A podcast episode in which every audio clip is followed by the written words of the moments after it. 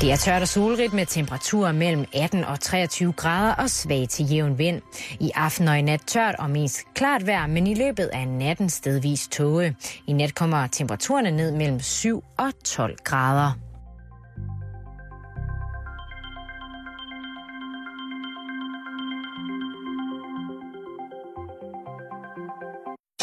Du lytter til Radio 24-7. Danmarks Nyheds- og Debatradio. Hør os live eller on demand på radio247.dk. Velkommen til Halløj i betalingsringen med Simon Jul og Karen Strohrup. Hjertelig velkommen indenfor. Som sagt lytter du til radioprogrammet Halløj i betalingsringen med Simon Jul og undertegnet Karen Strohrup.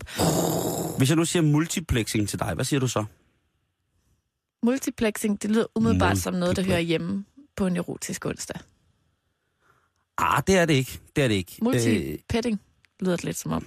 ej, det gør det ikke. Det lyder ikke som multipetting. Multiplexing. Jo, det gør det faktisk lidt.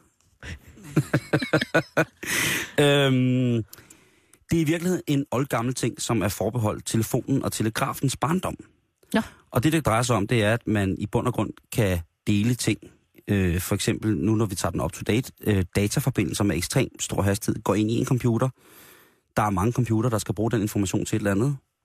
Den her computer, den vælger så at sende det ud med en lidt lavere hastighed, end det den kommer ind til andre computer, som så kan bruge informationen. Det kunne være på en nyhedsredaktion, som har brug for et kæmpe, kæmpe stort nyhedsfeed hele tiden med, med masser af data, der kommer og virkelig har brug for noget båndbredde. Multiplexing opstod i øh, 1870'erne, øh, og det er så for så vidt nu almindeligt øh, anvendt i kommunikationen. Det, al, vi alle sammen bruger multiplexing i, i hverdagen på en eller anden måde. Også mig. Også dig, Karen. Du for eksempel på din computer her, Mm. som øh, er på trådløs net, wifi, øh, Mhm. og øh, den kunne så, hvis det var, at du skulle bruge noget bestemt data for en computer, som vi vidste var på netværket, så kunne du, så kunne du sætte dig på det netværk, og så kunne du få den enorme data, adgang til den enorme datamængde på din egen lille mobilterminal. Ja. Øh, inden for et emne for eksempel. Men nu kunne det også være, at det var et nyhedsfeed, vi skulle bruge. Så på nyhedsredaktioner, der sidder der jo masser af mennesker, som har brug for alle mulige nyheder hele tiden. Hele tiden, bum, bum, bum, bum, bum. Og det kunne så være, at det kom ind i den der, og så kunne man så ind i en hovedcomputer, og så videre ud til de små zombies. Mm-hmm. Okay. Men Ja. begrebet er noget, som du tænker, hvorfor har han fundet på det? Ja, det tænker jeg lidt. Nej, det gør du ikke. Du tænker, nå, det var endnu en mærkelig ting, Simon har fundet frem. Igen noget med computer. Øh, jeg faldt over det i øh, videnskab.dk omkring en artikel om, at det er okay, at øh, eleverne sidder og chatter og bruger sociale medier i timerne. Det spørger de simpelthen om. Ja, der er i hvert fald foregået en, øh, en, øh, en, en undersøgelse, og det har noget at gøre med, at, at hvis man nu koncentrerer sig, hvis, nu du står, hvis vi to nu står og snakker sammen, Mm. helt normalt nede i kantinen, og så på et tidspunkt, så er der en eller anden, der begynder at snakke lige ved siden af os. Måske nævner han dit navn. Så vil dit fokus automatisk for vores samtale gå over og begynde at lytte på den der samtale. Kender Ja. du ikke det? Jo, det kender jeg godt. Og så bliver man en lille smule distraheret. Mm. Det er nogenlunde den distraktion, øh, distrahering, jeg ved ikke, om man skal sige det, der, der forekommer, når ungerne begynder, øh, når elever begynder at sidde med deres computer på chatten eller på mobiltelefonerne. Og det er der blevet lavet en kæmpe, kæmpe stor undersøgelse om. Og det synes jeg egentlig er rimelig svedigt. Det er en gut, som hedder Michael Paulsen, eller en af dem i hvert fald, som har øh, sat en gymnasieklasse i skive i stævne med det her, der hedder, med udgangspunkt i, at vi kan ikke forbyde det. Eller man skal ikke forbyde det, fordi hvis man forbyder det, så bliver det bare endnu mere interessant. Og øh, som man selv siger, at ungerne skal nok finde, eller eleverne skal nok finde deres egne tunneller, eller tunnel, øh, til at grave sig ud under, om det så var skolens kæmpe store computer, wifi-net, som blev lukket for Facebook, Twitter, for Instagram osv., så skulle de- nok finde på et eller andet. De kan jo ligesom heller ikke gå ind og sige, prøv at høre, nu sætter vi lås på jeres telefoner, eller det kan man i hvert fald ikke endnu, så I kan komme ind på de her sider. Øh, men hvad hedder det? Øh, forsøgene med det her multiplexing, hvor man ligesom prøver at integrere det sociale medie i undervisningen. Som for eksempel, det kunne være, øh, et af forsøgene havde været, at en lærer havde vist øh, sine elever Kundskabens træ, dejlig film, Mm. Og øh, i stedet for at skulle sidde og snakke med eleverne om filmen bagefter på en eller anden måde, så tog hun og microbloggede på, til alle eleverne, imens de så filmen, om hvad de synes om, hvad meningen med den her scene eventuelt kunne være, og sådan nogle ting og sager. Sådan så, at de, altså fordi at folk er jo så gode efterhånden. Det er jo bare sådan nogle tusse gamle nogen som mig, som ikke lige kan håndtere alting på en gang. På den der Altså måde. multitaske. Ja, øh, men hvis man så laver multitasking om til at blive blive i direkte, altså en ting, øh, et parameter i, i, i indlæringen. Altså de her, de her elever, de skulle så sidde og mikroblogge sammen med, med læreren der, mm. øh, mens de så filmen. Det var måske noget, de alligevel ville gøre i skolen, øh, mens de så den her utrolig gamle film, som måske er lidt mærkeligt at vise, øh, selvom det stadig er en god film. Ah, den holder. Ja, den holder stadig. Øh, men det er sådan noget multiplexing. Okay. Det er det begrebet øh, er nu, hvis man læser forskellige artikler omkring det her undersøgelsesforløb, der har været. Det er medieforskere, øh, hvad hedder det, øh, fra Aarhus Universitet, som øh, har, er gået i gang med det her. Blandt andet Michael Paulsen, men også Jesper Tæk, som øh, har, har fået lov til at arbejde med de her elever i øh, som forsøgskaniner med at integrere altså Facebook-chat, øh, microblogging, øh, alt det der med, at jamen i virkeligheden så skulle man bare sige, nej, der er jo, det må I ikke. Det fjerner fokus fra faget, og I får en dårlig indlæring. I kommer ikke i kontakt nok med faget, og kontakt, kontaktfladerne mellem det faglige materiale og eleverne bliver brudt, og bla bla bla. I stedet for at finde ud af, at det her sprog, de sociale medier har, eller ikke engang det sociale medie, bare sms'er, der er et helt nyt sprog. Altså, mm. det, det er det jo, kan man sige. Det har jo ikke levet særlig mange år. Som er den her øh, interageren med hinanden over telefon, over computer. Øh, nu er telefon og computer jo også øh, meget det samme, hvad det angår. Man kan chatte, man kan bruge FaceTime, man kan bruge... Altså, de der ting, man, jeg troede, da jeg så science fiction film, dengang jeg var lille karn, i sort og hvid på laserdisk, havde jeg sagt, hvor man så nogen stå og snakke i en telefon med et billede på, og man tænkte, åh, hvad man, det skulle da totalt åndssvagt, det kommer sgu aldrig til at ske. Det. Uh. Hvor at i dag, der, det er jo det, der sker. Ja, men det er rigtigt. Når jeg bliver ringet op af min tre år gamle nevø, så er det altså på billedet. Hej, hej. Ja. Og jeg bliver selv til dags dato lidt skræmt over det. Har du ikke tænkt over det nogle gange? Nej, det har du alt for ung til det der. Ej, men jo, det har Jeg jeg. sidder med problemet alene! Men det er ikke så meget med det der. Det er mere sådan noget, og det har vi jo snakket om mange gange, som med 3D-printer og sådan noget, Mm. hvis, vi, hvis vi snakker science fiction. I den her undersøgelse, så bliver eleverne selvfølgelig også spurgt, hvad er det egentlig, øh, vi kan gøre med det her? Og øh, som der bliver beskrevet i undersøgelsen, så er det sådan, at der er nogle elever, dem forrest i klassen, lad os bare kalde dem stræberne, som synes, det er pisseirriterende, at man ikke har den gammeldags analog kontaktflade med lærerne og materialet. Ja. Og så er der de elever, som der sidder nede bagved, det kunne nok være mig, som måske synes, det er sjovere at sidde og være på nettet og spille et spil på telefonen, eller sidde i sms eller chat, eller sige, Åh, hvad mand, min lærer er totalt nederen. Ja. Øhm, og det er en diskussion, og det er en debat, som skal, som skal køre, og som nu kommer til at køre efter afslutningen af det her forsøg, om hvad, hvad kunne være smart at bruge det her til. Og jeg synes jo, det er virkelig, virkelig fedt, at de vil bruge det, fordi når man ser, hvor meget bare overgangen under, under dig, Karen, lad os Mm. sige folk i starten af 20'erne, hvor, hvor afhængige de er af det her, så er det jo klart, at jamen, hvis det er en nemmere måde at, at for dem at ligesom få indlæringen ind, altså få, få de faglige ting ind på, så synes jeg, at det er fint. Selvfølgelig skal der være en lærer til at kunne følge trop på det, og følge op mm. På det, og sådan ting og sager. Og få dem til at indgå i, i en almindelig saglig debat mund til mund. Det skal jo heller ikke være sådan, så det talte sprog fuldstændig dør på en eller anden måde. Det vil også være fuldstændig forkasteligt. Men Ja. jeg synes bare, det er en, en interessant dis- diskussion, det der med Ja. altså, sms'er, chat i undervisningssituationer. Er det noget, man kan bruge til noget? Altså, jeg synes, det der sådan er interessant, sådan som jeg hører det, det Mm. er ligesom at, snakke om, jamen, hvis præmisser er det ligesom, man bygger undervisningen på, ikke? Ja. Er det den teknologiske udvikling, Mm-hmm.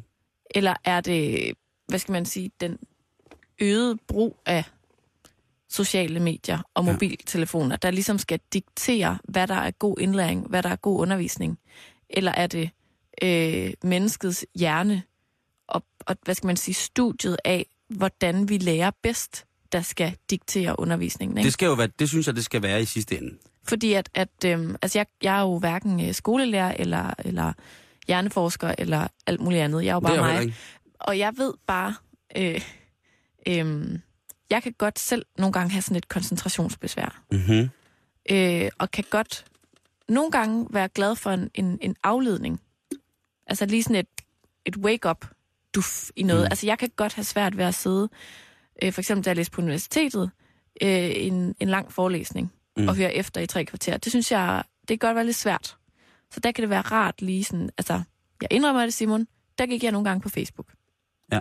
Og lige kiggede lidt, og så kom jeg tilbage Men der var altså, altså, der var også mange af de gange, hvor jeg aldrig rigtig kom tilbage. Ja. Fordi at så var koncentrationen også bare brudt ja. på en eller anden måde. Så jeg har meget svært ved at vurdere, om det egentlig er en god idé, eller om det lige så meget er, altså som jeg sagde før, at det ligesom er uundgåeligt. Altså, at det ligesom er kommet for at blive, så man kan lige så godt snakke om, hvordan man kan integrere det på en fornuftig måde, fordi de unge kommer ikke til at smide deres telefoner væk, og du Nej. kan ikke få dem til at lade være. Altså, Jeg tror, jeg tror at altså, det, som du sagde først, er, er rigtigt. Det der med, man, man skal jo finde ud af, om det forbedrer eller ikke forbedrer ja. det, folk får ud af undervisningen. Men jeg kunne sagtens se, i og med også det punkt, jeg tog med, at det er et nyt sprog. Mm. Det er et nyt sprog. Det er, øh, er du ved... Jeg synes, det er genialt, det der mikroblogging, for eksempel. Når mm-hmm. de ser en film, for eksempel. Øh, det kan selvfølgelig være svært i, i, i øjet med, men det kunne for eksempel være... Jeg er jo fuldstændig tilhænger af, at, at den menneskelige lærer skal bestå i al evighed. Jeg synes, det er noget af det fineste, vi har, det der med, at man skal kunne lære fra et menneske. Det kan jeg slet ikke se. Men for eksempel sådan noget som lektiehjælp.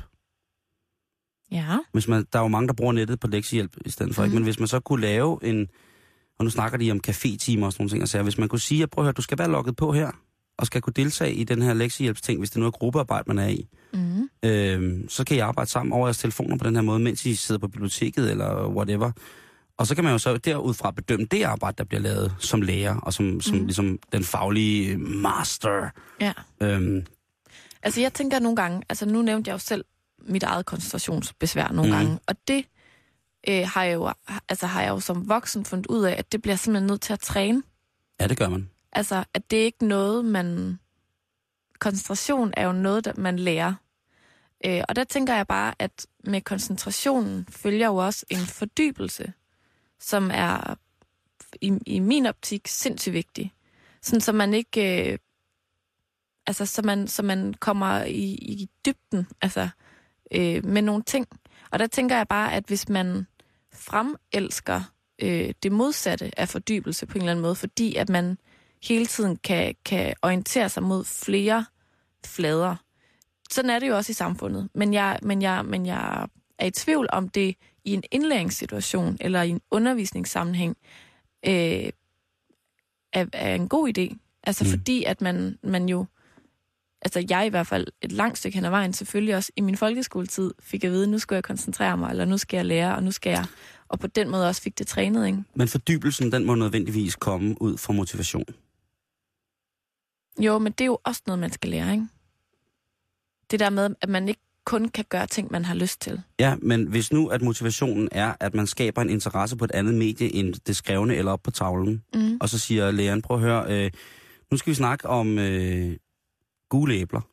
Mm. Og hvis I er lidt i tvivl om, hvad gule æbler er, så kan I lige gå ind på, på bloggen her, så kan I lige se nogle billeder af gule æbler.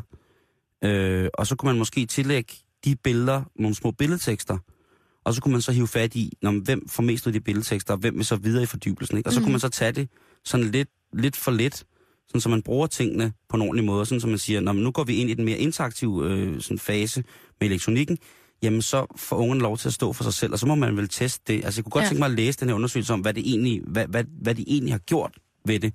Ja. Er det kun sådan noget efterarbejde, eller er det kun måling på, hvor, hvor distraheret det er? Fordi selvfølgelig bliver folk distraheret, hvis det er, der lige pludselig begynder at komme elektroniske medier og elektroniske medier med sociale medier oveni ind i, i, i klassen. Mm. Alle ungerne sidder jo nu, når man kigger i 3. klasse, sidder de jo med computer, ikke? Jo. Stort set, eller iPads, øh. Ja. og, og følger med.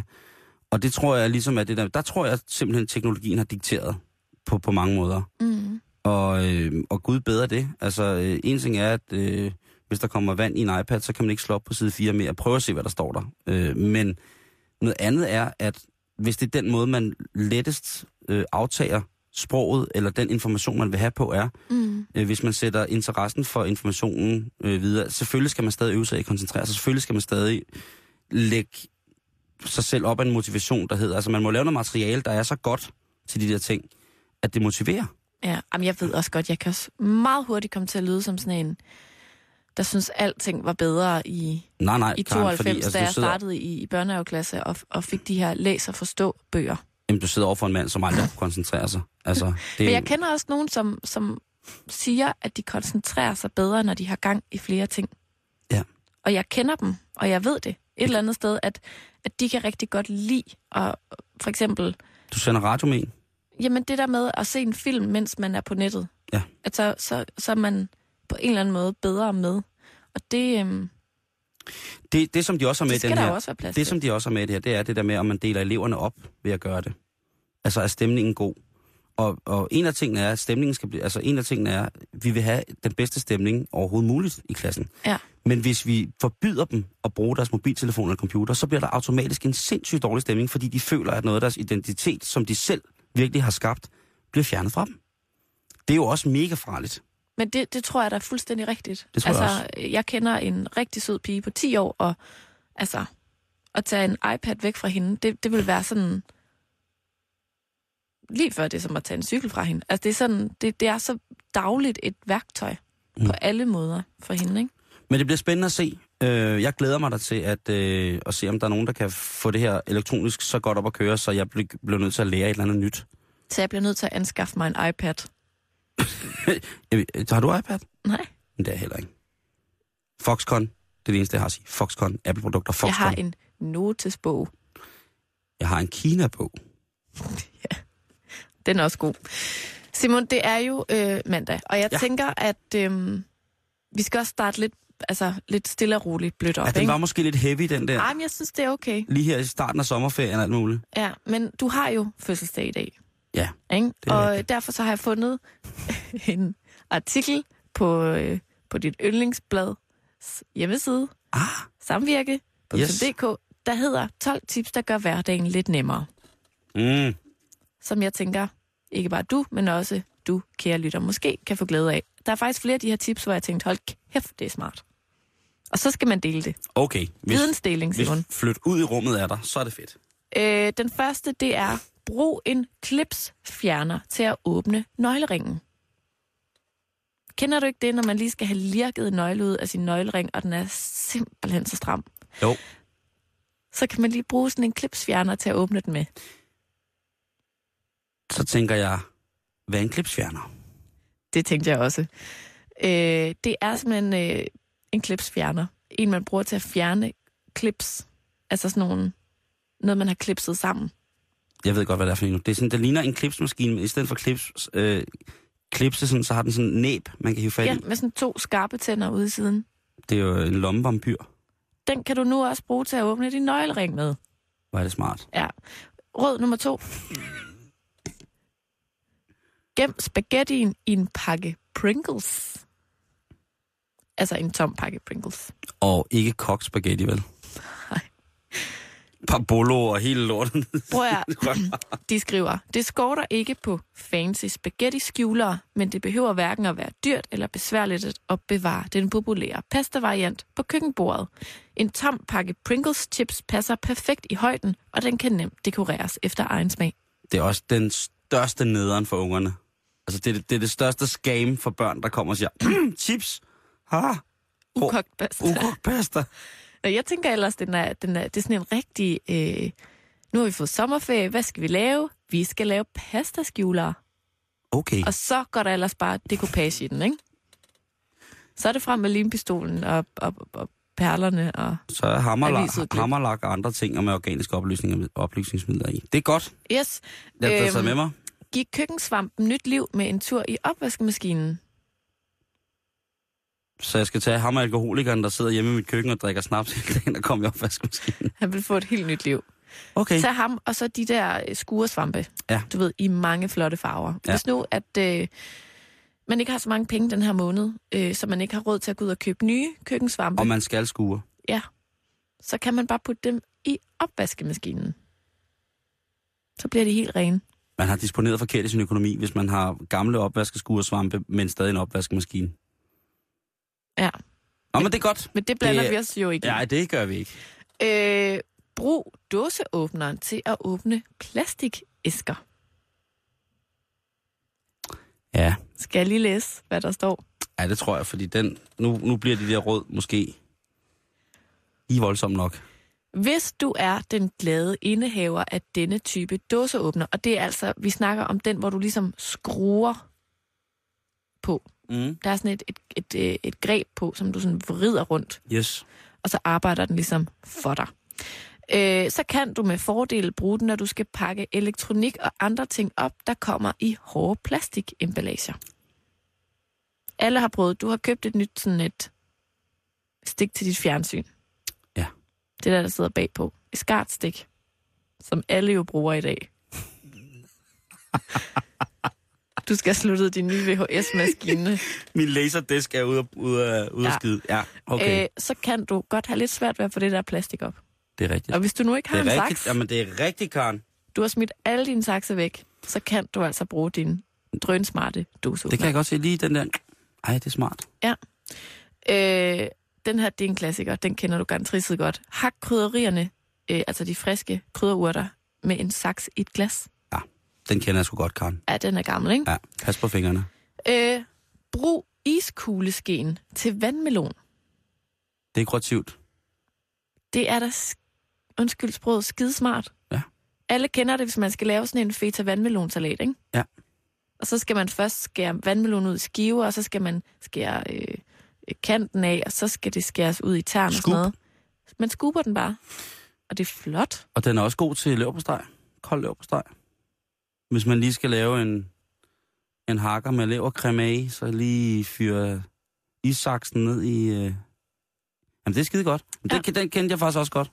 Jamen, det kender jeg nemlig ikke. Men det, mit liv er der i den grad på vej til at blive fuldstændig øh, eksalteret godt. Altså, der er jo ikke nogen grund til, at dit liv bliver sværere, bare fordi du er fyldt 36, vel? Tak, Karen. Tak. Øhm, så kan du genopleve din øh, gamle mascara med et par øjendråber. Ja, men hey, hallo. Hvem, prøv lige at se, hvem du taler til. Ja, den kendte du godt. Ja, den kendte jeg fame godt, du. Nu kommer der en smart over det hele. Nu kommer der. Du har garanteret en kamp. Ikke? Nej. Om det skal du ud og anskaffe dig. Okay. Fordi det her, det er et råd til dig, Simon Jul. Stil. Karen. Hold sømmet med en kamp. Det er fucking smart. Det havde jeg ikke tænkt på. Når man ikke går og banker søm i væggen til hverdag, risikerer man at give sig selv et ordentligt rap over nallerne, når man pludselig svinger med hammeren. Men med en kam er det nemt at holde sømmet uden at risikere blå negle og ømme fingre. Hold, prøv at høre. Det der, det er ubetinget dagens bedste råd. Er det ikke sindssygt? Det er sat med fedt råd, det der. Og man kan jo bruge, altså alt efter størrelsen på sømmet, kan man bruge en lusekam eller Prøv, en de, de ligger over, på, de ligger over på TV2 Fri nu og begår seppuku. Altså, det er masse selvmord. Altså, du har lige ødelagt hele grundlaget for, hvorfor TV2 Fri eksisterer. Cecilie Ho, der hun står i, i Lammefjorden og kaster sit tøj og sine gummistøvler efter Thomas Urskov, som er i gang med at drukne sig selv på 9 cm vand i gul skitøj. Ah, du, du har, det, det kan du, jeg ved ikke, om du kan være det bekendt, men jeg, jeg fandme det fedt. Er det ikke smart? TV2 Fri er gavn nu. Man skal bare lige sørge for kun lige at give sømmet et lille gok, så sømmet sidder fast. Man skal ikke hamre kammen fast Man på må- væggen. Aldrig give sømmet mere end et lille gok. Nej. Næste råd, Simon. Yes. Øh, bind posen med snippen, du klipper af. For eksempel, hvis du har købt sådan en øh, skøn pose frosne haricot verts, Prøv at, du, må- du må snart stoppe. grønne De, bønner, der, der, der, øh, altså, de bløder på TV2 Fri lige nu. så griber du. Har du taget et manus fra TV2 Fri? Er du kommet for, lige kommet forbi nogle kollegaer? Nej, det har jeg faktisk ikke. Okay. Men så, så griber du efter en, en håndfuld grønne øh, bønner Haps, dem skal ned i jeg... posen. Ja, Der er stadig en god håndfuld tilbage. ja, ja. ja. Den skal tilbage i fryseren. Oh, det skal den da. Så bruger du den snip, du lige har klippet af, til at binde posen med, inden du putter den ned i fryseren igen. Den er sgu også god, du. Ja, den er god. Den er så slipper sgu- man for at bruge en køkkenelastik. Den er fandme, den er fandme god. Så når du skal ud og rejse, så kan du pakke dine sko i badehætter. Sådan så det ligner lidt de der blå ting, man får på i svømmehallen. Ikke? Mm. Mhm, mhm. Så bruger du bare dine badehætter til at pakke dine sko i. Ikke? Hvad, hvad er der i vejen med en pose? Jeg ved det ikke. Bare sådan en helt almindelig pose sneaks. Det tror jeg, de ved over på TV2 Fri. Jamen, de er færdige på TV2 Fri. så kan du gøre det, at når du øh, er i gang med at male, at du tager en køkkenelastik og putter rundt om din malerbøtte. Put en elastik om malerspanden og undgå trypperi, den kender jeg godt. Så kan man nemlig tørre øh, penslen af på elastikken hen over malingen, i stedet for at gøre det på kanten, hvor det kommer alt muligt vejen. Lige præcis. Ja, den er god. Så den sidste, som er mega smart, og den er altså også til dig, øh, kære lytter, som måske skal på en lidt længere køretur med ungerne. Altså, det, det, det her det er jo øksemor på TV2 Fri, Karen, det ved du godt. Ja, og nu kommer dødstødet. Okay. Brug vandballoner som køleelementer. Yes.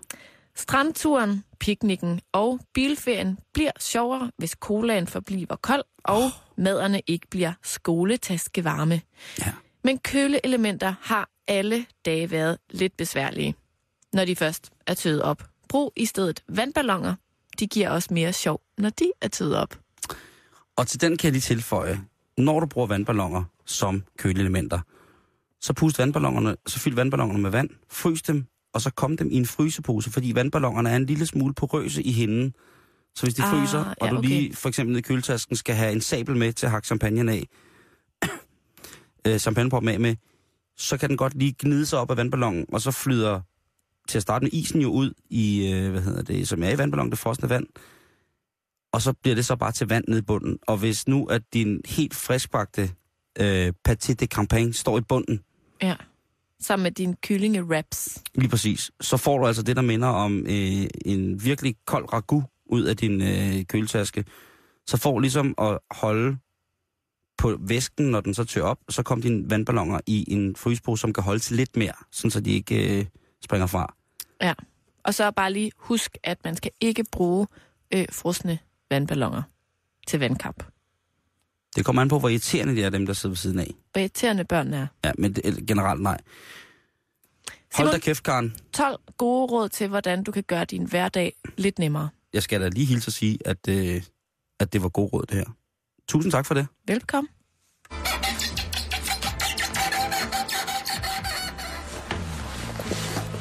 Jeg har lige brugt ni timer på at lave her mange børn.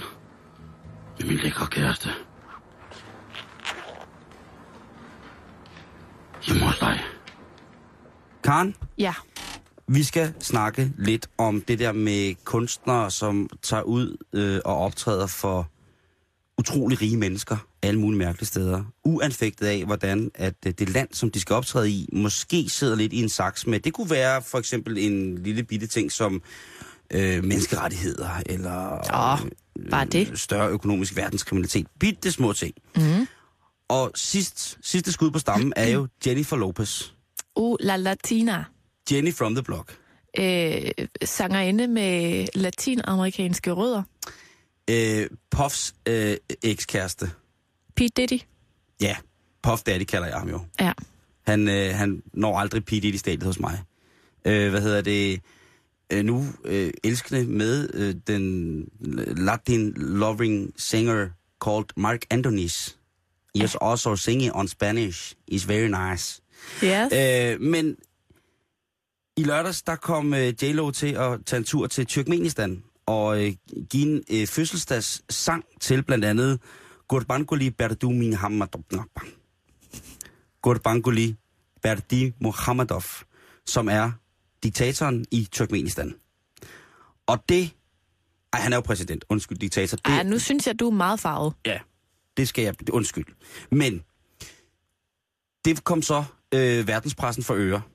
Ja. Og ikke mindst øh, Jennifer Lopez, øh, hendes øh, fanskar.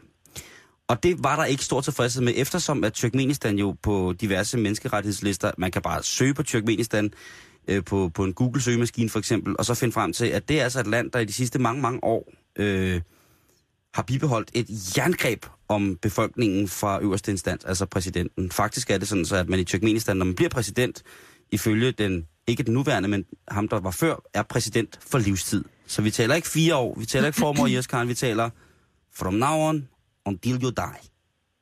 Wow. Ja. Og lige for at, øh, at, at sådan sætte fast, hvad Turkmenistan er for noget, så er det et lille bitte land, som i cirka 3.000 år har været op og slås med alle.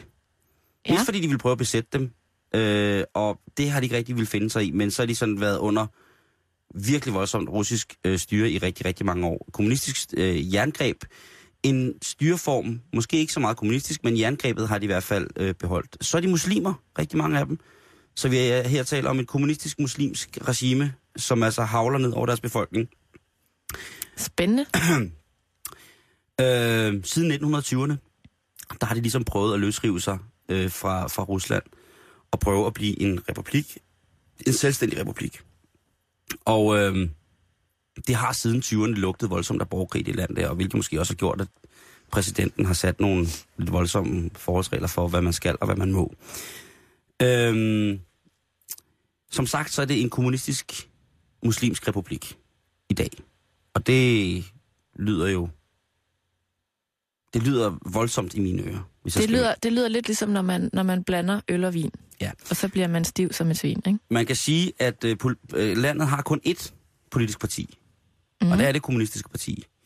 Øh, den nuværende øh, præsident, som øh, J-Lo sang for, øh, Gurbanguly, da han stillede op til valg sidste år, jamen, der var der en tilslutning til hans... Øh, ja, jeg ved ikke, hvorfor man stemmer, når man er livsvej præsident, men øh, stemmetilslutningen om, at han var en dejlig præsident, den var på lidt over 97 procent. Og det synes jeg jo er en flot stemmetilslutning. Altså, så, så, så må man jo bare være en glad leder, der ligesom mærker folkets opbakning, ikke? Og man kan sige, hvis man læser i internationale tidsskrifter, økonomiske tidsskrifter, antropologiske, øh, antropologiske tidsskrifter, sådan ting, der beskæftiger sig med, hvordan forskellige lande udvikler sig, de siger jo, at landet som sådan har løsnet lidt op for de ellers meget, meget, meget strenge regler, der var, før at øh, Gurbanguly han kom til. Og så kan man så tænke, hvad er det så for nogle stramme regler, der har været før? Hvem har siddet øh, som præsident for det her? Og det har Sapar Murat Niyazov Ja. gode gamle Sabah Murat, som styrede landet fra 1985 indtil han døde i 2006. Og han var altså en, en, en sær snegl. Lad mig sige det på den måde. Mm. Han, øh, han var udmærket godt bevidst om, at, øh, at Turkmenistan sidder på den anden største reserve af fossile brændstoffer i Rusland. Af de russiske republikker, der var. Og det er jo altså money in the bank. Men det er mm. ikke sådan, så tyrkmenerne, de vælter i penge og er fuldstændig sindssygt øh, sådan velbeslået og har en velfungerende, stærk økonomisk middelklasse. Det er enten, er vi meget, meget rigere, og går ikke bare med bjørnepels, vi går med hele bjørnen, ellers så er vi så fattige, så vi øh, lever af myg og støv. Og det kan man sige, det er måske, allerede der burde man sådan godt kunne se, om, om det her land det hænger sammen på en måde, som bare i bagatellens menneskerettigheds, øh, men- menneskerettighedens lys er et dejligt land.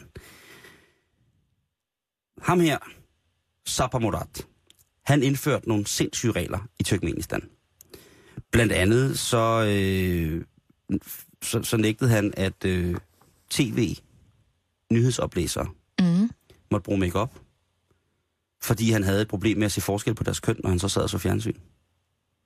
Det forstår jeg ikke. De måtte ikke bruge makeup. Nej, fordi hvis de brugte makeup, så kunne han ikke kende forskel på dem på fjernsynet. Meget stærkt HD-signal, de har i Turkmenistan. Jeg forstår det bare ikke, fordi... Var det fordi, at, at mændene også fik læbestift på og øjenskygge, når de sad og læste nyheder op? Jamen, så kunne man jo sige, så kunne mændene bare få skæg, eller kvinderne få skæg, og så kunne man sige, at den med skæg, det, det er kvinden. Øh, det indførte han også et forbud imod. Han indførte et forbud mod, at mænd måtte have langt hår og gå med fuld skæg. Stod der noget om, hvorfor? Nej, det gjorde der ikke. Men øh, han mente, at øh, det var forfærdeligt. Derudover så, øh, ham her, den gode præsident, han, øh, han mente også, at øh, folk skulle lade være med at bruge, øh, bruge guldtænder. De skulle i stedet for træne deres tænder til at blive stærkere.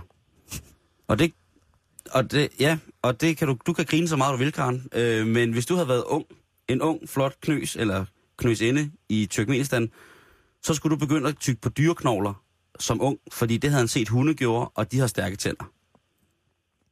Vi taler altså om en mand, der hedder Sapar Murat Niyazov, som altså har været øh, den første præsident så, i, i Turkmenistan som selvstændig republik fra 85 til 2006. Han indførte de her regler. Altså, forløbig, ikke? Mm. så lever det fuldstændig op til min forestilling om, hvad der sker, når der er en eller anden sindssyg mand, der får sit eget land og selv må bestemme. Altså, det er lidt ligesom at være alene hjemme, ikke? Ja, og sådan kan man jo blive ved. Altså sådan noget med, at bands er blevet inviteret på det, der i godsøjen skulle være kulturudveksling, men så har endt med at stå i palads, i, i, i, i, i faraovens palads, i, altså i guldbar til knæene, Ja. for at spille for deres børn måske, som har været på udenlandske universiteter og kommet hjem. Øh, rygter om Nordkorea. Øh, Jeg ved, at øh, et dansk band, Moonjam, har jo været der. Ups. Øhm, og jeg ved ikke, om det var for at underholde den store leder, men jeg ved, Moonjam har spillet i Nordkorea, og øh, jeg ved ikke, om de håber at komme tilbage, men, øh, men det er bare sådan lidt for det. Øh, mange danske bands har jo været i, i Kina at spille, også før at det ligesom blev lidt mere legitimt, og Kina blev en del af den større, øh, eller ikke blev en del, men indtil de viste sig som, øh, som storspillere i verdensøkonomien på en øh, mere eller mindre øh, flatterende måde. Men altså, synes du ikke, der er forskel på at for eksempel at optræde i Kina, og så tage til privatfest og synge Happy birthday to you. Altså, det er jo det, Jennifer Lopez har gjort Ja. over for ham der. Altså, Ja. det har været til dig, Ja. kære, hvad var det ned? Går det Bangoli? Good Bangoli. Mm. Øh, Feliz cumpleaños, ikke? Altså, der er forskel på det, og så ligesom at... Jeg tænker, at Moonjam har spillet en god salsa olympica på et torv Safari et sted, i Nordkorea. Nordkorea. Ja, men det er også rigtig Karen. og ikke øh, foran the leader. Det, øh, det håber jeg er sandheden. Ja, det gør jeg også. Det håber jeg simpelthen er sandheden. Og jeg tænker også, at man, man hørte jo nogle gange, at, at Michael Jackson blev fløjet ind for lige at lave en lille appearance til øh, forskellige sultaners bryllupper. Mm. Øh, men det her, det synes jeg er så voldsomt en anden karakter, at man ikke ligesom øh, går i gang med det. Men man kan også sige, Simon, at i USA, der har man bare en helt anden tradition for som øh, kunstner at melde ud, hvor man står politisk. Altså, det har vi jo set i præsidentvalg. Altså, der er jo lister over, øh, er du på Obamas hold, er du ikke, hvem støtter du ligesom. Så det kan også godt være, at det bare... Øh, ja.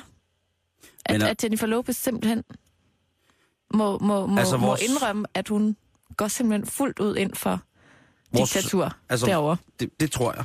Altså, øh, hun, er, hun er jo til synligheden selv øh, fra en familie, som er flygtet fra dårlige levevilkår. Så hvorfor skal man ikke fejre, at der folk stadig har det? Ja. Det synes jeg. Øh, og vores yndlings mod øst, vi må jo ikke glemme Gérard Depardieu. Mm. Gérard Depardieu, som øh, nu simpelthen er næsten er Gud. Sammen med Steven Seagal. Ja. Øh, de vil ikke, russerne vil jo ikke have Snowden. Det vil de ikke have. Putin siger nej. Jeg skal ud. Han, det ved de ikke. Øh, men Steven Seagal og øh, Gerard Depardieu, det vil vi gerne have. Så til alle jer JLo-fans derude, øh, if you had my love, jeg siger det bare som det er. Ja. Ikke? Jenny from the Block. Hun, øh, hun, er sgu lige, hun giver en fuck for de menneskerettigheder, selvom hun undskylder. Hun har jo fået pengene. Så what? Så kan man sagtens undskylde. Ja, der er, jo, der er jo ikke nogen, der ude og sige, sådan, om dem har jeg givet til fattige børn et andet sted, I- eller sådan noget. Turkmenistan. Nej. Det er crazy shit. Simon, øh, vi skal lige omkring lidt ulvenyt, Yes! fordi at der er jo sket noget helt sindssygt her i weekenden. Og jeg vil egentlig have været inde på det i går, men det nåede vi ikke, fordi at der er dukket et nyt øjenvidne op i den her ulvesag. Og det er simpelthen den øh, 16-årige tysker, Moritz Petersen, der er på campingferie i Østjylland øh, sammen med sine forældre lige nu, og, har, og skal være her i 14 dage. Jeg ja. ved ikke, om han snart er på vej hjem, eller hvordan. Men i fredags, der blev den her øh, 16-årige tyske drengs daglige cykeltur øh, sådan lidt mere makaber end sædvanligt. Åh, Og jeg skal fortælle dig, hvorfor. ja, det vil jeg da meget gerne vide. Jeg er tosset med makabre ting. Da Moritz, han er nået til alken, så kommer der lige pludselig et rådyr traskende op af grøften og krydser vejen med sådan et lille lam, kid. En, ja, Hvad hedder det egentlig? en dog. En då i hælene. Og lige efter En Bambi. den lille Bambi, Ja. der kommer en ulv.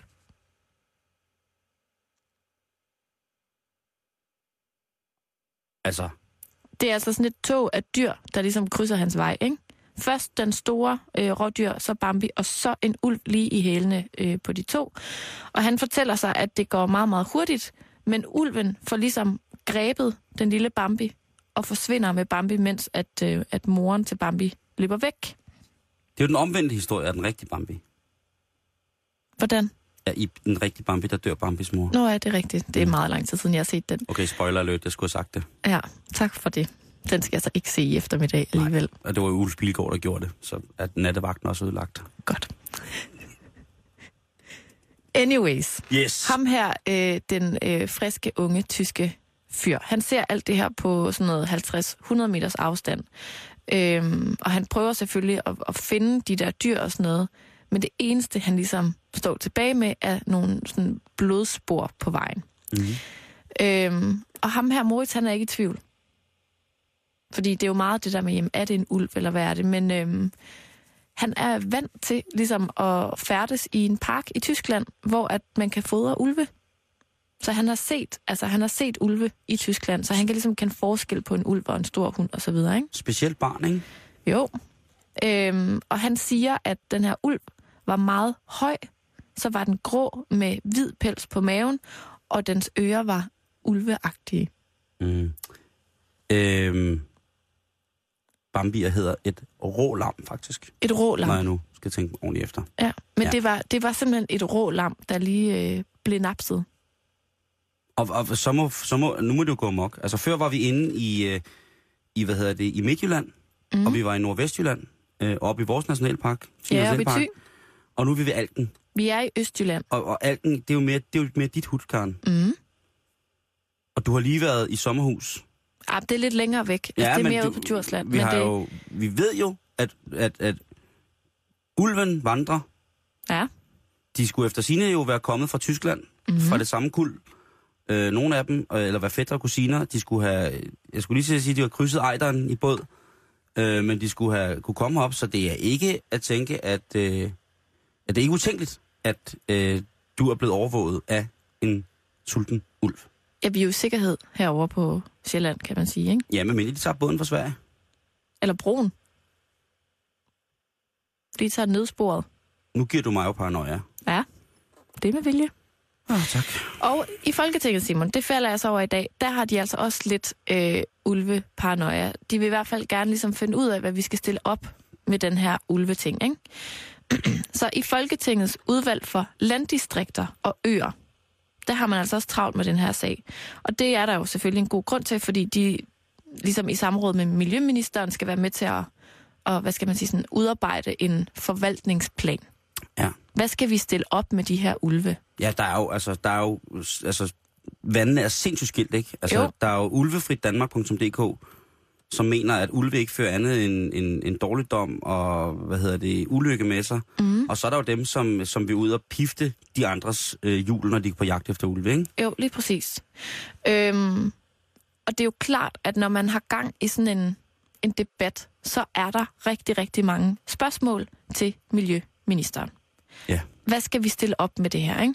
Og det bliver diskuteret i det her udvalg og så videre. Og lige nu er det jo SF's øh, Pia Olsen Dyr, der er barselsvikar for Ida Augen. Og jeg øh, går ind og kigger på, hvad der egentlig er af forskellige spørgsmål i forbindelse med den her ulvesag. Ja. Og jeg har kun taget et spørgsmål med, Hvorfor? fordi at det... Jeg har simpelthen brug for at spørge dig, og måske også lytterne, hvorfor man har stillet det her spørgsmål. Yes. Det er øh, fra den 27. juni. Ja. Øh, og der spørger de, altså i spørgsmål nummer 175. Kan ministeren bekræfte, at to af de indvandrede ulve er halvsøskende? Svaret blev sendt elektronisk til udvalg ft.dk på udvalgets vegne, formand Hans Christian Schmidt, Og hvad er det for en FT? Hvad er det? Folketinget. Og det er så Hans Christian Schmidt, som vælger at sende det. Altså han, han, han har ligesom øh, på vegne af, af det her udvalg for landdistrikter og øer, de har diskuteret det her utrolig meget, Ja. og ligesom blevet enige om, hvad skal vi spørge ministeren om næste gang, og det er så, kan ministeren bekræfte, at to af de indvandrede ulve er halvsøskende? Det er jo svært, men vi havde den jo op og vende her, Karen, med at øh, man mente, at to af ulvene i hvert fald var fra samme kuld, øh, lidt syd for grænsen i Tyskland. Okay, Og det kan måske være, at øh, Hans Christian Schmidt, han øh, jo sidder og lytter programmet hver dag og tænker, sidder de bare heller vand ud af hovedet, eller øh, har noget på sig? Mm. Øhm, og der vil jeg mene at, øh, at sige, at man kan kontakte Ulve Mein. har han en mailadresse? Den er... Uhu! Nej, snabelag. Grrr. Ja. Nej, øh, men det var, det var i hvert fald op at vende omkring øh, den sidste ulvesighting, øh, da de havde f- øh, fået identificeret en af de døde ulve, de havde, øh, Ja. en, en død ulv. At det ligesom var, fordi de også mærkede øh, ulvene. Øh, mm. Og der mente man, at de var i hvert fald fra samme kul. Så det kunne være, enten de var søskende eller halvsøskende. I hvert fald så var den artikel, vi kom med, og nu kan jeg ikke helt huske det, jeg vil meget gerne tjekke op på det, øh, var, hvad hedder det, i, i forhold til, at, øh, at de skulle være i, i, i familie. Altså, jeg kan jo godt lide formuleringen, fordi jeg synes, der kommer også noget lidt... Øh, der bliver lagt sådan et, et menneskelag ned over det, ikke? Ja. At de ikke fra samme kul eller af samme afstamning. De er halvsøskende, Simon. De to ulve. Altså, det- jeg er allerede i gang med at skrive en børnebog, ikke? Om de to halvsøskende, ja. ja. Ulva og Ulvus, Og, der flygter til Danmark på grund af en stor farlig skovbrand i Tyskland. ej, Og så bliver de bare slået ihjel, når de kommer til Danmark. Og der er ingen danskere, der vil have, at de skal bo der. Men det er der jo. Der er masser af danskere, som gerne vil have ulven her. Jeg kan godt forstå det her med øerne og sådan noget ting og sager, og de her små, jeg ved ikke hvad det er, sådan små landbrug og større landbrug og bestanden for fasaner og alt muligt mærkeligt, som det vil, vil gøre et indtryk på. Men i den, anden, den undersøgelse, som jeg henviser til, som jeg ikke kan huske, hvilket jeg skal beklage meget, der var det jo også noget med, at der var, der var lavet en statistik over, hvor meget øh, for eksempel en flok på 20 ulve vil gøre indhug, for eksempel på rådyrbestanden i Danmark. Ja. Og i forhold til, hvor mange øh, rådyr jægerne nedlag, øh, og så i forhold til, hvor meget 20 ulve ville nedlægge. Og det, det, var ikke, øh, det var ikke sådan, så jeg sad og tænkte, gud, ulvene skal stoppes nu, nu, nu, ulvefælder overalt, omring alt med ulvefælder. Øh, det var mere sådan, så jeg tænkte, der må være noget andet, der stikker under. Må jeg sige noget? Ja. Helt ærligt. Ja. Altså, jeg synes, det kunne være overdrevet spændende, hvis vi fik ulve i Danmark igen. Prøv at høre, jeg er fuldstændig på den der. Altså, jeg, jeg, jeg synes, at... Øh, de har boet her før. De var her først. Lige præcis. Anyways, hvis øh, nu, at du øh, sidder derude og, og har svaret på, øh, hvad skal man sige, formand Hans Christian Smits spørgsmål, altså kan man bekræfte, at de to indvandrede ulve er halvsøskende, så synes jeg da ikke, at, øh, at man skal holde sig tilbage fra at sende en mail til udvalg øh, til udvalget for landdistrikter og øer. Og husk igen, at øh, ulven den er fredet på liste 1, så du må altså ikke gå ud bare og plaffe løs på ulve, medmindre de selvfølgelig angriber øh, dig eller de nærmeste, eller på nogen anden måde øh, prøver at få voldskade. Det er øh, stadig ulovligt, og det er ikke fedt at gøre ligesom i Sverige, hvor man øh, sender en sms, hvor man skyder ulven og graver den ned, og så holder man ellers kæft. Nej. Skyd, grav og ti, det holder ikke i Danmark. Mm-mm. Det er ikke god jægerkutume. Færdig arbejde, slut. Det bliver en god sommer, Karen, med, med alle de her ulve. Ulvesommer. Ej, det, øh, det, det kan jeg godt lide. Karen, øh, der er jo, i den her tid, er der jo utrolig mange, der holder fest. Ikke mindst studenterne, som er blevet fest. Øh, til alle jer kære lyttere, som bestemmer tillykke. Men der er også sikkert også mange, der gruer for, hvordan holder man en ordentlig sommerfest så? Ja. Der er, Man mange, der er mange firmaer jo også, der holder sommerfest Lige nu her, præcis. Og hvad skal man dog finde på? Skal vi have... Kommer den samme kedelige et eller andet forbi i år og, og spiller bingo med os? Kommer ham der Simon Jul igen og skal trække en hat op af en kanin, ud af en kanin, og så råbe et nummer op, og så er der nogen, der har, har vundet en godt ikke? Mm. Ikke nødvendigvis, kære lytter, for der findes hjælp at hente. Jeg sad og kiggede lidt efter det i går, hvor jeg søg, øh, tænkte, hvad skulle man lave til, til fest og sådan noget. Og så kom jeg lidt fra det, men så tænkte jeg på det i morges igen. Og der søgte jeg så på festarrangør på nettet. Ja. Og de tre første ting, der kommer frem, ved du hvad det er? Nej. Firmafest, Tankestreg København slash Sjælland, Humanic Group, det er nogen, der bare laver festen. Så kom der to festarrangør, du ved, i det der grå highlighted felt, der er, når man starter søgemaskinen. Dem, der har betalt penge for at ligge øverst. Lige præcis. Øh, og så nummer tre, det er forsvarets rekruttering. Forsvaret.dk. Det tænker jeg, det er ikke det, vi vil ringe efter, hvis jeg har en fest på den måde. Men det, det er, altså, hjemmeværnet. det er jo det. Og jeg tænker, der er et kæmpestort marked for, for, øh, for folk, som jo gerne vil holde en fest, fordi det vil alle mulige. Og der er også rigtig mange, som ikke føler, at de har overskud måske til lige at, at finde på den gode idé. Og det er jo ikke alt som dig, Karen, der lige pludselig kan, for, for 50 kroner kan stable en polterarm på benene, som, som smadrer alt, hvad man nogensinde har hørt om, vel? Det kræver i hvert fald øh, mange års træning. Ja, og hvis man vil have den der kæmpe, kæmpe store fest, så er det altså fucking dyrt, hvis man vil have sådan et stort firma til at komme ud og lave det, ikke? Vi starter altså ved 50.000 kroner. Ja. Uden mad. Og så, øh, så får du selvfølgelig også en 4x20 meter scene med festivalshøjsalanlæg, 1200 scenelamper og en kenyansk dansetrup og kokke fra fire verdensdele. Og det er måske lidt meget, hvis der bare skal være 20 mennesker i haven til en havefest. Jo. Medmindre man selvfølgelig har ringet til Forsvarets rekruttering og spurgt, om de kan arrangere ens konfirmationsbegravelse. Men nu skal du, kære lytter, fat din pen eller din iPad, pen eller pad, og så skal du gøre klar, fordi nu kommer der nemlig her vaskeægte public service, Karen. Okay. Yes.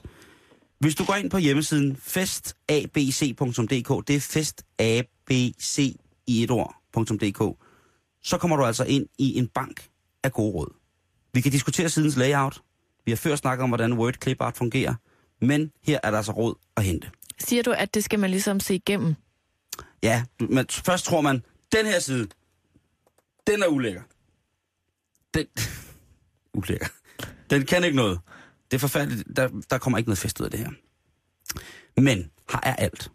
Mm. Alt, hvad du behøver til en fest. For eksempel, hvis du keder dig til festen, så er der en sindssygt lang liste af opskrifter på, hvordan man laver papirflyver. Serious? Hvis der lige var nogle børn, der kedede sig, eller nogle voksne sjæle med, øh, med, med barnlig intelligens, så kunne man også lige folde nogle papirfly. Der er øh, en stor undermappe med måder at folde servietter på. Så folder man servietter. Det er Altså, det har jeg jo altid gerne vil være god til. festabc.dk. Nu ved du det, Karen. Hvordan laver man åkanden? Så kommer der skriv en tale. Og der er altså flere forskellige kategorier af talen. Der er sådan noget, øh, hvad hedder det, forloverens tale til, til gommen på polterharpen. Der er den lidt frække tale. Der er den seriøse tale fra gommen til, øh, hvad hedder det, brudens forældre. Der er brudens tale, der er, selvom det ikke er tradition. Altså, der er alle former for taler. Og det er ikke sådan stikord. Det er hele taler, man bare kan tage og printe ud. Og så er der ligesom gjort plads til et andet navn. Nej, de har skrevet det sådan, så man skal forstå navnet. Så øh, jeg, da jeg læste for eksempel øh, forloverens tale til gommen på polterappen, der hed gommen så kendt. Så det, det var sådan noget med, at vi har haft vores tider sammen kendt, vi har haft op- og nedture og sådan sager. Men det er lige til at tage og copy-paste ind i en tale, og så kan du selv sidde og flette lidt med det, ikke? Mm. Øhm, så er der for eksempel også noget som pletrens, og jeg tænkte, pletrens, hvad skal man dog bruge det til? Det skal du selvfølgelig, fordi alle dine tossede venner jo øh, tegner en stor, øh, et stort mandligt kønsorgan ude på fortoget, hvor der står nygiftet dyt. Hvordan får man fjernet det? Hvordan skal man, når der er blevet tegnet på væggene, skrevet på glasset, nygift og sådan noget, hvordan får man alle sådan nogle pynteskrifter ud? Hvordan får man bryllups sandskridtet fjernet, uden at man ødelægger øh, de omkringliggende omgivelser? Mm. Så derfor så er det faktisk ret gennemtænkt. Det lyder virkelig sådan i hvert Og fald. ikonet øh, for, for, hvad hedder det, øh, pletrens er fantastisk. Så er der kloge ord. Det er sådan en lille ule, der krammer en bog. Et øh, Word-ikon har jeg fundet ud af. Så kan man lige få den der... Nå, jeg har ikke skrevet en tale. Men jeg vil bare sige en ting. Og det er, at hvis... Øh, at når æblerne, de har vasket glashuset, så skal man ikke nødvendigvis børste bjørnen. Skål og tillykke med alle disse gode år. Og mit liv har ikke været en dans på russer. Skål. Så kan man lige flette sådan en uh, intellektualis ind i, uh, Okay. i talerrækken, hvis man synes, det bliver sådan lidt for, nu skåler vi ikke nok. Okay. Så er der også øh, meget fint drinkskort. Og der er blandt andet den største samling af bærlikør-opskrifter, jeg nogensinde har set. Aldrig har jeg set så mange varianter af varm solbærrom. Øh, hvad hedder det? Eller solbærlikør. Brumbærlikør. I det hele taget utrolig mange likøropskrifter. Det, det er jeg meget, meget glad for. Jeg vidste ikke, at øh, likør kun var øh, bærsaft og vodka, men det er det så åbenbart ifølge den her side. Så er der, øh, hvad hedder det, det som hedder promillemåleren. Og der tænker jeg, det var da smart. Promillemåleren, det er vel det, hvor man kan regne sig frem til, hvordan, hvor meget promille man har, hvis man er til bryllup. Man kan måle den. Det viser sig så at være endnu en udvidelse af drinkskortet, hvor man blandt andet finder punch, bowle, virgin drinks, long drinks, cocktails, aperitif. Og så tænker jeg, det er der ikke meget med promillemåleren at gøre. Det er der lidt at gå udenom, den varme dans. Indtil at jeg så finder under alkoholberegneren promillemåleren. Mm. Hvor man kan taste ind, hvor meget man har drukket af almindelig øl, stærk spiritus, endnu stærkere spiritus Rødvin? øh, og vin. Ja. Og så kan man få noget, ligesom at vide om, hvor meget promille man har. Øh, det jeg testede, der havde jeg inden for en time og 20 minutter til det bryllup, havde jeg så en promille på omkring 6,9. Og det, øh, det gør, at man ikke skal, kan, skal køre. der står også på hjemmesiden, det her det er vejledende, det er ikke noget, man skal rette efter. Man kan altså ikke bruge det i henholdsvis, hvis man kører ud fuld som idiot, øh, hvis man brager ud i en eller anden. Ja, den holder ikke i retten. Så kan du ikke sige, jeg har altså på festabc.dk, der testede jeg min promille, og den var helt fin. Ja. Ja. Det er festens ABC. Øhm, det var alt, hvad vi havde for i dag. Det betyder, at du skal have nyhederne på Radio 24 Du lytter til Radio 24 /7. Om lidt er der nyheder.